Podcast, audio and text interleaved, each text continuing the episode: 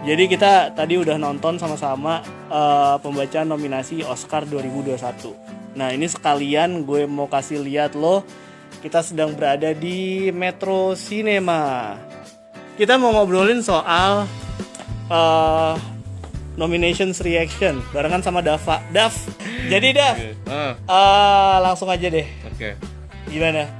Yang yang mengejutkan deh, yang mengejutkan mengejutkan dulu lah. Yang mengejutkan, oke. Iya. Tadi eh, Vinterberg sih masuk Best Director itu ngagetin. itu ngagetin. Tapi ini kayaknya eh, gini, mengingat tahun lalu Pedro Almodovar juga masuk Best Director. Padahal dia Oh. kan filmnya tuh apa namanya? Pain and Glory kan juga foreign kan, international language. Ya udahlah. Jadi mungkin kejadian lagi tahun ini saking campaignnya kuat mungkin atau emang filmnya bagus karena jujur gue belum nonton Another Round mohon maaf penonton sekalian nanti cepatnya saya tonton gue udah nonton Another Round. Uh, it was a good movie. Uh, Pas banget buat ditonton di zaman-zaman pandemi gini karena dia itu punya punya uh, value yang kurang lebih sama dengan Soul. Oh, Ah, mencari. How we can uh, appreciate our life to the fullest gitu. Hmm, see. Uh, cuman di sini lu sering kan nonton film-film remaja yang uh, pengen muter balik waktu untuk memperbaiki apa yang kurang atau gue pengen seneng-seneng gitu kan. Biasanya ada. Nah uh, another round menurut gue punya sense yang kayak gitu juga. Hmm, memperbaiki. Uh, iya untuk untuk mendapatkan kehidupan yang lebih baik dengan cara minum. Dan yang bagusnya lagi itu adalah Vinterberg nemuin uh, risetnya. Hmm, riset yang manusia tuh lahir dengan kekurangan kekurangan apa namanya kadar alkohol dan harus dibutuh eh, harus di apa tambah. ditambah atau dicukupi gitu nah itu yang Sempat bikin trailernya sih kayak dia Iya. nambah berapa persen aja gitu per harinya gitu. betul Sampai endingnya gue nggak tahu. oke iya director Thomas Vinterberg masuk barengan sama Chloe Chow Emerald Fennell Lee. Lee Isaac-chung dari Minari Sama- sama berapa orang sih cuy kan biasanya lima ya iya. Thomas Vinterberg, Emerald Fennell, uh, Chloe Chloe Chow, Zhao, Isaac Chung. Isaac Chung, oh, uh, Oh, eh Meng nggak masuk ya? David Fincher iya. Oh, Fincher masuk ya? Lu- Lupa lah satu lagi siapa tapi yang gue inget Aaron Sorkin gak masuk. Aaron Sorkin nggak Wah masuk. kacau sih. Menurut lu gimana Aaron Sorkin gak masuk? Ya gimana ya kalau ngelihat eh, tren kampanyenya sih emang banyak yang nggak begitu suka sama director di- eh, directingnya Aaron Sorkin di Why? Chicago Seven. Gak tau mungkin banyak yang rasa pacingnya nggak enak lah Hah? atau banyak loh eh serius loh walaupun emang itu film oke cuma yang yang nggak suka sama Chicago Seven nggak dikit juga. Oh, iya. Iya kita termasuk orang-orang beruntung lah yang bisa suka sama Chicago Seven gitu kan. Kayak gue suka banget sih sama Chicago Seven. But the movie is good though. It's good, bagus banget menurut gue, menurut gue.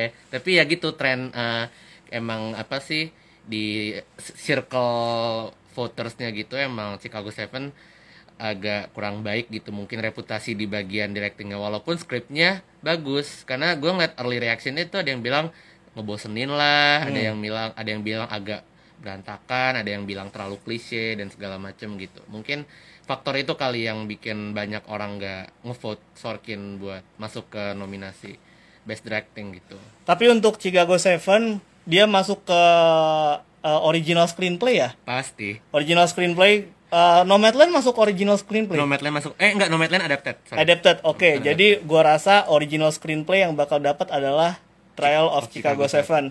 Uh, Sorkin dilawan Sorkin dilawan. Sorkin dilawan. iya. Kayak Golden Globe kemarin aja Sorkin dapat di uh, screenplay. screenplay Tapi best picture dramanya si Nomadland. Nomadland. Yang komedinya Borat. Wah, gila. Gila, eh, iya, eh, Bo- eh, Borat gak masuk ya? Eh, Borat tapi masuk adapted screenplay itu gue kaget banget. Borat eh, apa ya? Gue kira untuk sekelas Oscar paling ya Sasha pasti masuk lah dan Maria Bakalova juga masuk kan di eh, acting gitu. Hmm. Cuma screenplay loh. Borat masuk di best adapted screenplay itu kayak anjrit terakhirnya diapresiasi tinggi juga ya Borat ternyata. Untuk sebuah film mockumentary ya, Yes, eh, yes. yang dibikinnya eh, susah emang, tapi istilahnya kan dia eh, apa ya, komedi gitu loh, komedi, Iya, coy.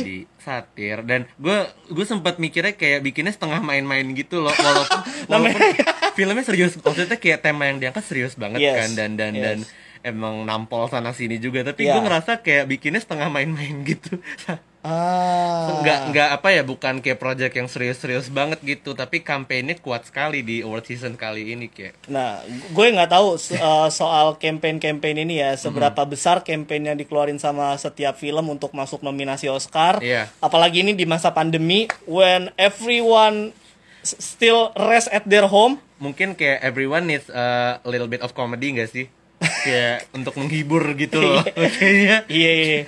Maksud Dan memang secara apa namanya, secara apa, Secara film uh, secara film, secara cerita, secara konteks, dia juga bagus sih. Menurut gue untuk sebuah urusan sik, sebuah ukuran sequel, Borat itu udah bagus karena dia nge-tackle sesuatu yang lebih risky dibanding Uh. film pertama. risky banget kayaknya yang Iya kedua kan? ini Apalagi yang bagian Rudy Giuliani, buset. Gila lu harus nonton sih. Abis itu Borat udah, Thomas Winterberg Another Round udah. Eh, kita nggak lihat Aaron Sorkin di Best Directing, Best Picture juga cuma 8 cuma delapan Ya Borat gak masuk. Eh, yang masuk justru eh, One Night in Miami juga nggak masuk. Oh, iya, Padahal tuh keren loh anjir. Ah, itu gue belum nonton itu Itu gue belum nonton One Night in Miami itu bercerita tentang empat orang eh, tokoh kulit hitam yang berkumpul di dalam sebuah eh, apa kamar gitu. Jadi ada di situ ada Muhammad Ali, ada Jim Brown, ada Malcolm X dan juga Sam Cooke. Itu mereka berasal dari latar yang latar yang berbeda-beda gitu. Nah, yang menarik di sini adalah eh, Cam Powers yang nulis One Night in Miami itu, dia ngambil kisahnya dari suatu ambiguitas. Jadi empat aktor ini, eh empat aktor, Empat empat, tokoh. tokoh ini memang memang pernah ketemu di Ma- Miami. tapi nggak tahu ngapain Tapi nggak tahu ngapain. Nah itu yang yang nggak tahu ngapainnya itu yang coba Dikembangin. dikembangin sama Cam Powers. Tapi ya akhirnya nggak masuk Best Picture. Tapi tadi dia masuk. Masuk, screenplay apa? masuk. Screenplay masuk Screenplay ya. masuk. Screenplay berarti original screenplay. Apa ya Yang lu inget tadi harusnya sih original tuh yang kayak ini gitu-gitu. original sih Iya, iya. tapi kurang tahu juga soalnya kalau ya nggak tahu deh Heeh. Eh, abis itu apa lagi yang mengejutkan mengejutkan? apa ya Eh, The White Tiger sih coy. oh iya White Tiger The ya White Tiger. Lu lu bayangin kalau misalkan jadi Priyanka Chopra. Priyanka Chopra dia yang main di film itu. Dia yang- Dia yang produserin dan dia yang ngumumin yang ngumumin kalau film tersebut masuk ke nominasi Oscar Tapi nominasi 2021. apa sih tadi lupa Wah, gue lupa tapi. Tapi tadi ada What- The White Ada, Tiger. ada. Nanti bakal kita uh, ulik-ulik lebih lanjut kayaknya soal itu- nominasinya. itu, jujur gue belum nonton juga sih tapi kayaknya ngeliat review orang-orang cukup pada mengejutkan gitu loh The White Tiger jadi salah satu film yang masuk Hall of Famers di uh, kelas 2021 Cinema uh, Cineverse ID. Itu berarti dia dapat skor di atas 7 dari kontributor kami, which is gue yang ngasih 7,5 waktu itu gue kasih. Uh, dan mendapatkan voting di atas 90% top. hmm Hmm, The White Tiger. The White Tiger. Lo langsung aja nonton di Netflix. Ini kayak Parasite-nya India, coy. iya emang gue tahu tentang apa sih perbedaan kelas gitu sih Yes. dan ya gitu Sudra, Brahmana gitulah. Bangsat. emang sampai segitunya ya Ya, kan India begitu. oh iya sih Iya, setahu gue sih begitu, Nggak, gue coy. kira tentang kaya miskin lagi sorry Uh, uh, dan dia mengibaratkan orang yang uh, ada di kasta bawah itu seperti ayam, ayam yang Ah. ada di kandang, which is dia tahu dia bakal di dipotong, tapi dia nggak melawan. Ah. Itu keren sih menurut gue.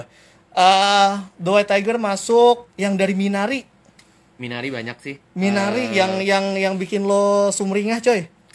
Yun Yo Jong masuk Yes. supporting actress senang Yun Yo Jong yay But Ah, uh, who is she? Kasih tau dulu. dia neneknya yang di Minari Nenek-nenek. Eh, eh, dia tuh iya tapi ya keren sih gue rasa emang eh, casting apa casting wise ya Minari bagus semua sih Hmm. walaupun sebenarnya gue lebih mendukung Alan Kim tuh yang si anak kecilnya Oh. ketimbang Steven Yeun Alan Kim tapi dia uh, Dia kemarin- supporting kan?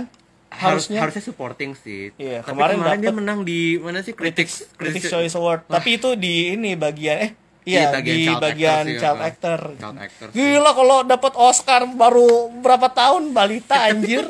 Tapi pernah sih ada sejarahnya kayak tahun berapa gitu kayaknya Hmm.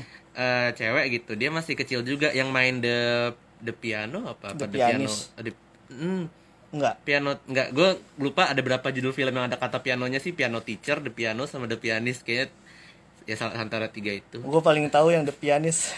the pianist yang pu- punyanya Roman Polanski nggak sih Yes. oh bukan berarti bukan yang itu oh salah ya. Bukan Tapi itu.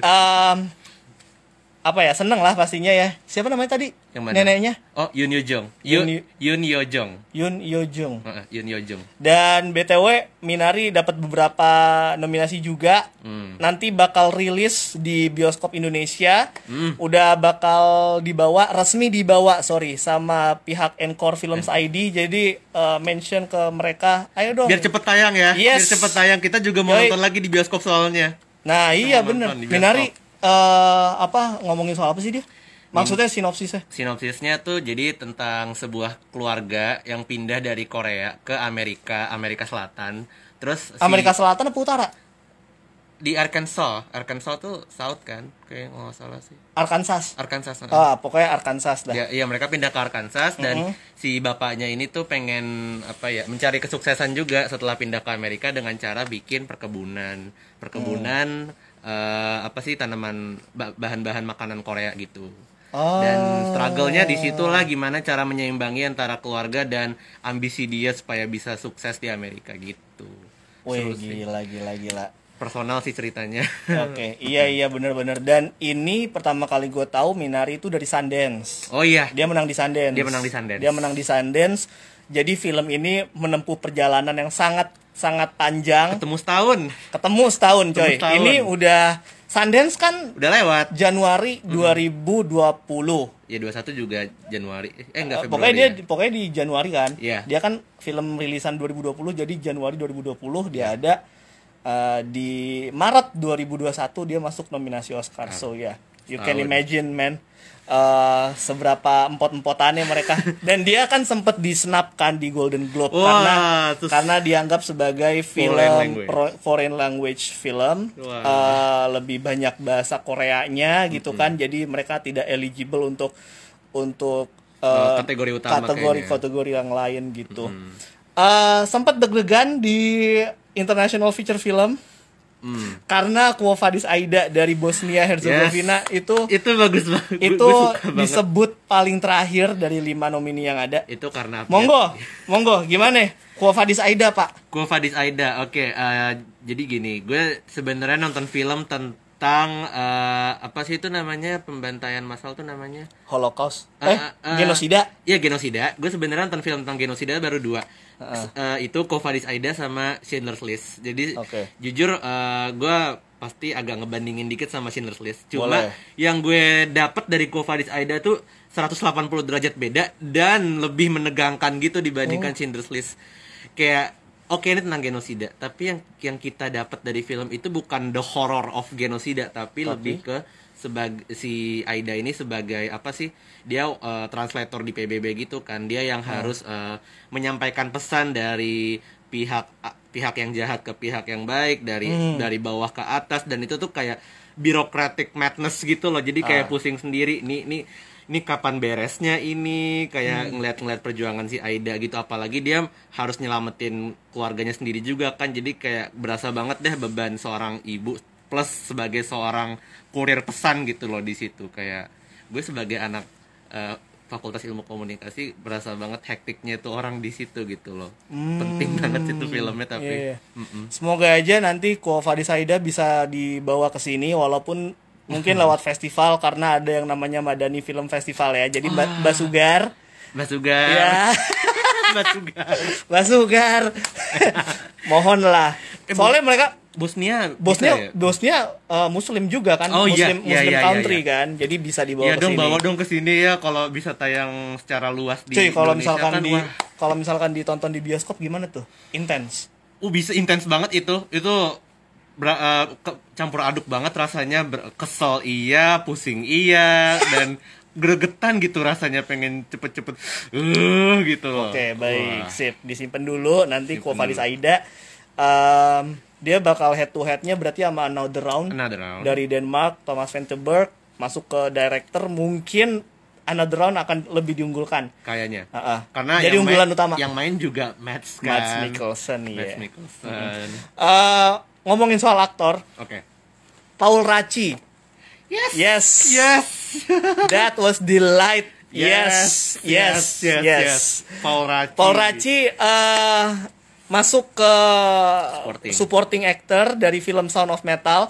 Kita kasih tahu dulu Sound of Metal itu adalah film drama yang menceritakan tentang seorang drummer kehilangan pendengaran. Iya. Kemudian dia masuk ke Sebuah uh, komunitas komunitas. Nah, di komunitas itu dia ketemu Paul Raci. sebagai mentornya gitu loh. Iya, sebagai kepala sekolahnya gitulah. Iya. Gitu.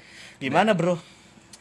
apa ya eh gue nonton Sound of Metal sendiri Ah. keseluruhan dengan keseluruhan film aja gue merasa tergerak gitu kan sangat positif banget filmnya ditambah performance Paul Raci yang bener-bener kayak membimbing gue pelan-pelan untuk menerima diri gue sendiri gitu loh jadi kayak selain emang Riz Ahmed yang bagus tapi Paul Raci juga kayak membantu banget gitu loh yang bener-bener definisi supporting actor yang sesungguhnya gitu dia membantu supaya peran utamanya jadi makin bagus juga gitu Ah, loh. iya sih, cuy. Yang definisi supporting kan pembantu kan, Iya. membantu peran How Mm-mm, gitu how they can help to elevate the main actor. gitu. Iya sih cuy. Jadi pas kan? di komunitas itu memang si karakternya Riz Ahmed ini kan sedang berada di konflik yang paling parah ya. Uh, Ya. nggak kebayang sih. Nggak kebayang karena dia baru kehilangan pendengaran. Nah, eh, karakternya Paul Raci itu ada di sana untuk lo lihat aja nanti.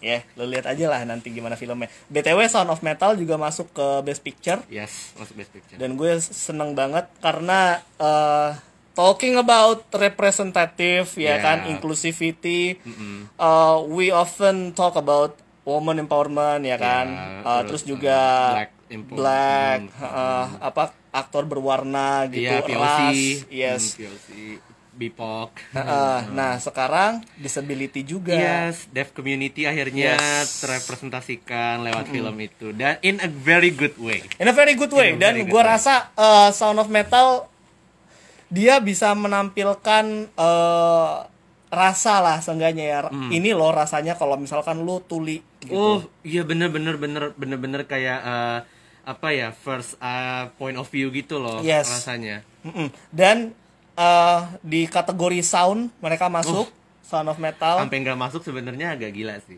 kalau nggak salah dia uh, selain dia ya, Mm-mm. gue sih megang dia ya. Oh ya. Tapi selain itu ada Greyhound-nya Tom Hanks kalau nggak salah tadi Iya, ya kita lihat. ada ada Greyhound Tom Hanks. Ha-ha, itu film perang seru sih dari Apple TV Plus. Uh, lalu di scoring dia masuk gak sih? Original score ya. Eh, Original score kayaknya- masuk nggak? Kayaknya enggak deh. Yang masuk Trent Reznor. Yo, Double nominee. ah itu gimana gimana? Nah, double nomininya gimana? Trent Reznor dan eh, iya Trent Reznor dan Atticus Ross double nominee di eh, Meng sama Soul. Oh dia Meng juga ini ya? Mm-mm. Ya kan Anjir. ya David Fincher kan emang apa sih namanya eh, Sohiban. Sohipan kan sama Trent Reznor sama Atticus kan. Terus Oh. kebetulan Soul juga sama mereka lagi terus dan dua-duanya skornya bagus jadi ya double nominee. Gokil sih. double nominee. And talking about double nominee, Judas and the Black Messiah, ini gue cukup eh, cukup kaget sih karena dua pemeran pentingnya itu masuk di satu kategori yang sama. Yes. Lakeith Stanfield sama, Sama Daniel, Daniel. Kaluuya itu sama-sama masuk di Supporting. Best Supporting Actor. Daniel Kaluuya itu udah kelihatan dari kapan tahu lah. Wah ini bakal masuk nih, bakal masuk nih, bakal Iya. masuk. Lakeith Stanfield pak bu, anjir. Gua, Laki. karena gini, karena gini, gue gua ngerasanya ini orang itu sebagai pemeran utama, Hmm. bukan sebagai pemeran pendukung. Lah kalau misalkan Lakeith Stanfield dan juga Daniel Kaluuya-nya itu Di supporting. di supporting, Siapa pemeran utama? What kind of movie is that? Tapi Judas itu juga bagus filmnya terbukti dapat Best Picture nominee juga Iya. gitu. Mungkin kalau misalkan film yang nggak ada peran utamanya, eh, mungkin kalau filmnya modelan yang ensemble gitu loh, kayak Chicago Seven. Walaupun eh, Chicago Seven ada masuk lead nggak sih? Nggak ada kayaknya ya. Chicago Seven Nggak, dia nggak kayaknya nggak ada yang ditaruh di, di best actor nggak ada. nggak ada. Iya karena dia mainannya ensemble dan kebetulan Tapi ensemble kalau Judas ensemble cuma dua pak. Iya makanya Judas tuh bukan ensemble makanya aneh banget kok. Ya, unik wah, unik movie. Dan yang gue tahu mereka eh, rilisnya terakhir-akhiran kan. Iya dia dia kloter terakhir baru rilis tahun ini. Quarter terakhir baru rilis dan baru campaign. So congratulations for the team. Uh, karena campaign mereka berhasil at least untuk masuk nominasi Oscar 2021. Yeay. Um, tadi Paul Raci, Heeh. Stephen Yeun, Steven Yeun. Stephen Yeun dari Ya, Minari. Hmm. Semua orang banyak yang suka sih udah gitu. Stephen Yeun dari Minari masuk ke Best Actor. Actor. Uh, dia menjadi aktor Asia Amerika pertama Oh iya. yang masuk ke kategori tersebut. Uh, kemudian Chloe Chow. Chloe Chow. Eh tadi Chloe Chow ya? Bener. Yang gue bilang ya. Dia jadi First da- first first Asian American. American director di kategori tersebut ya. iya sih. Gila. Eh, atau woman kayaknya Asian, eh, Asian American woman atau in general ya. Wah. Asian American woman sih. Kayaknya Tadi gue sih lihat twitternya gitu, lah lihat tweetnya Soalnya gitu. seinget gue Ang Lee juga pernah masuk best director. Oh ini ada woman ya? Kayaknya woman berarti. ah, ada woman Asian Asian American woman, female female, Female. Ah, yang masuk. Stephen Yeun, ah gue seneng juga sih ngelihat dia masuk ke kategori Best best actor. ya walaupun gue belum nonton filmnya because ya representative matters ada Riz Ahmed juga sih ya Oh iya. Oh, yes cuy Aduh, aduh Gila. sebenarnya gue gue menjagokan Riz Ahmed loh. Cuman- Riz Ahmed. ya kita akan uh, menurut gue sih Kemungkinan Chadwick ya. Kemungkinan almarhum Chadwick Almarhum. Boseman yang bakal dapat dari film Ma Rainey. Marainis Black Bottom. Lu mesti cek juga di Netflix filmnya udah keluar sejak kapan tahu dan dia dia memerankan seorang uh, peniup trompet. Oh iya. Ya, yang sangat ambisius dan naif, tapi juga di sisi lain dia eh, apa ya berani gitu kan. Jadi Chadwick memainkan sosok karakter yang sangat menarik dari awal sampai akhir. Oke. Iya. Oke. Oh sampai akhir ya berarti. sampai akhir, terus kan? sampai akhir. Karena dah sampai akhir itu dia eh, ada iniannya, ada ada something yang dia lakukan di akhir yang gua nggak bisa kasih Oke, tahu oke, di sini oke. ya. Iya, gitu. Siap. Jadi eh, Chadwick Boseman, we're proud of you man. We'll miss you. Uh. Go get that Oscar lah, udah pasti itu. Eh apalagi ya? Eh oh, Andra Day. Andra Day. Andra Day. Gua gua kemarin ngeliat tweetnya Wayan Diananto. Jadi Andra Day itu masuk di kategori Best, Best actor. Eh, Actress. best actress. Uh. Uh, uh, uh, dan ini menurut Jeng Wayan adalah kategori yang paling susah untuk diprediksi. Hmm, bener sih. Karena ada Andra Day yang secara tak terduga ya Mm-mm, tiba-tiba menang juga di Golden Globes kemarin. Betul. Ada yang nyangka. Uh-uh. Terus yang kampanyenya kenceng dari awal dapat SAG juga, dapat Golden Globe juga adalah Carrie, Carrie uh, Carrie Mulligan. Carrie Mulligan. Uh, Tapi yang kemarin dia tweet tuh si ini, siapa yang melahirkan di film? Oh, Vanessa Kirby. Vanessa Kirby. Vanessa Kirby emang kampanye kuat juga, uh-uh. bener. Campaignnya kuat banget bos, kuat, mm. parah. Dia uh, apa adegan melahirkan dan setelah itu ternyata dia masih oke juga uh, meranin karakternya gitu loh. Filmnya, Grief. pa- filmnya panjang sih dua jam lebih itu. Iya, Cornel Mundrusko ya yang iya, kayaknya saudara itu. Iya. Belum nonton. Terus, oh lu belum nonton? Belum. Nonton. di Netflix. Gila itu langsung dikasih adegan melahirkannya pak. Serius. Serius. Tapi emang katanya setengah jam sendiri gitu adegan melahirkan. Buset, lama dah pokoknya Setengah jam sendiri. di situ. Terus eh selain ada Vanessa Kirby ada ada si Eh, Nomadland siapa? Frances. Frances McDormand yang jadi unggulan utama barengan sama Viola Davis. Viola Davis. Tapi gue ngejagoin Carey Mulligan. Gue juga jagoin Carrie sih. Gila dia keren banget. Carey. Dia keren banget, serius. Sekeren itu dia di Promising Young Woman. Wah, Promising Young Woman. Uh, itu kayak Let's go get it girl. Gila itu keren banget.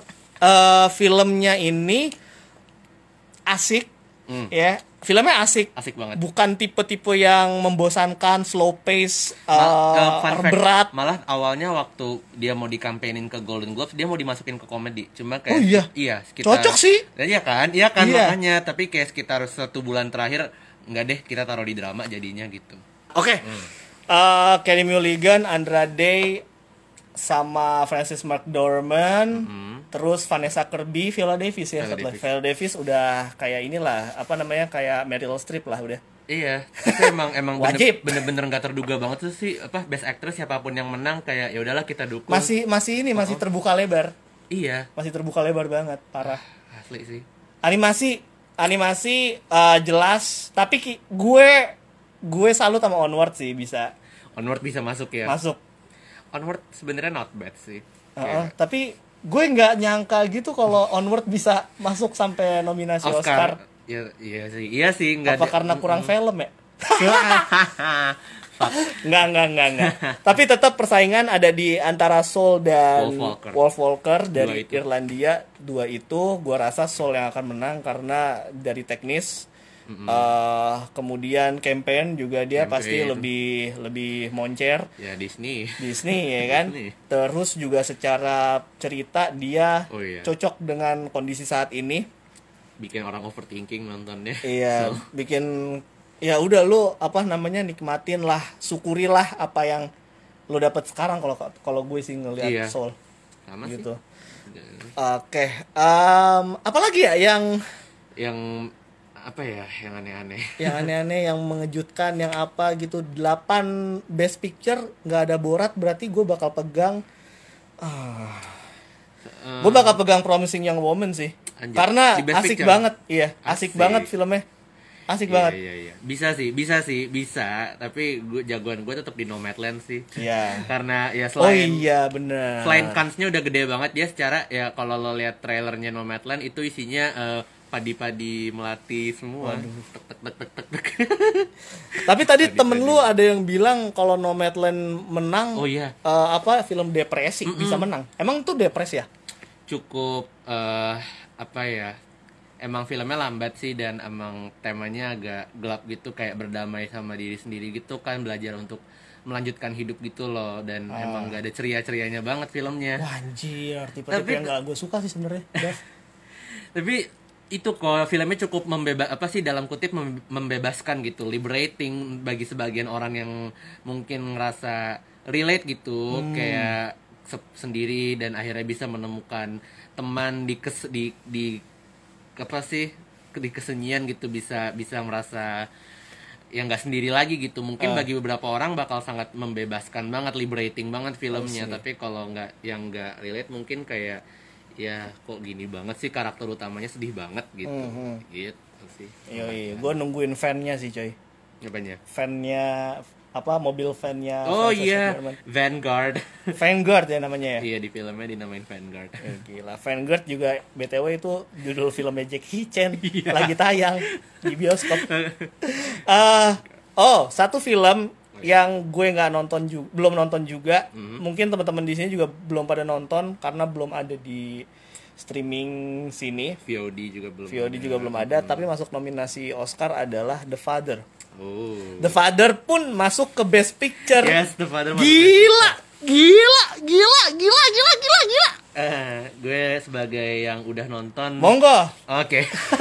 gue gue menyetujui eh, nggak gimana ya.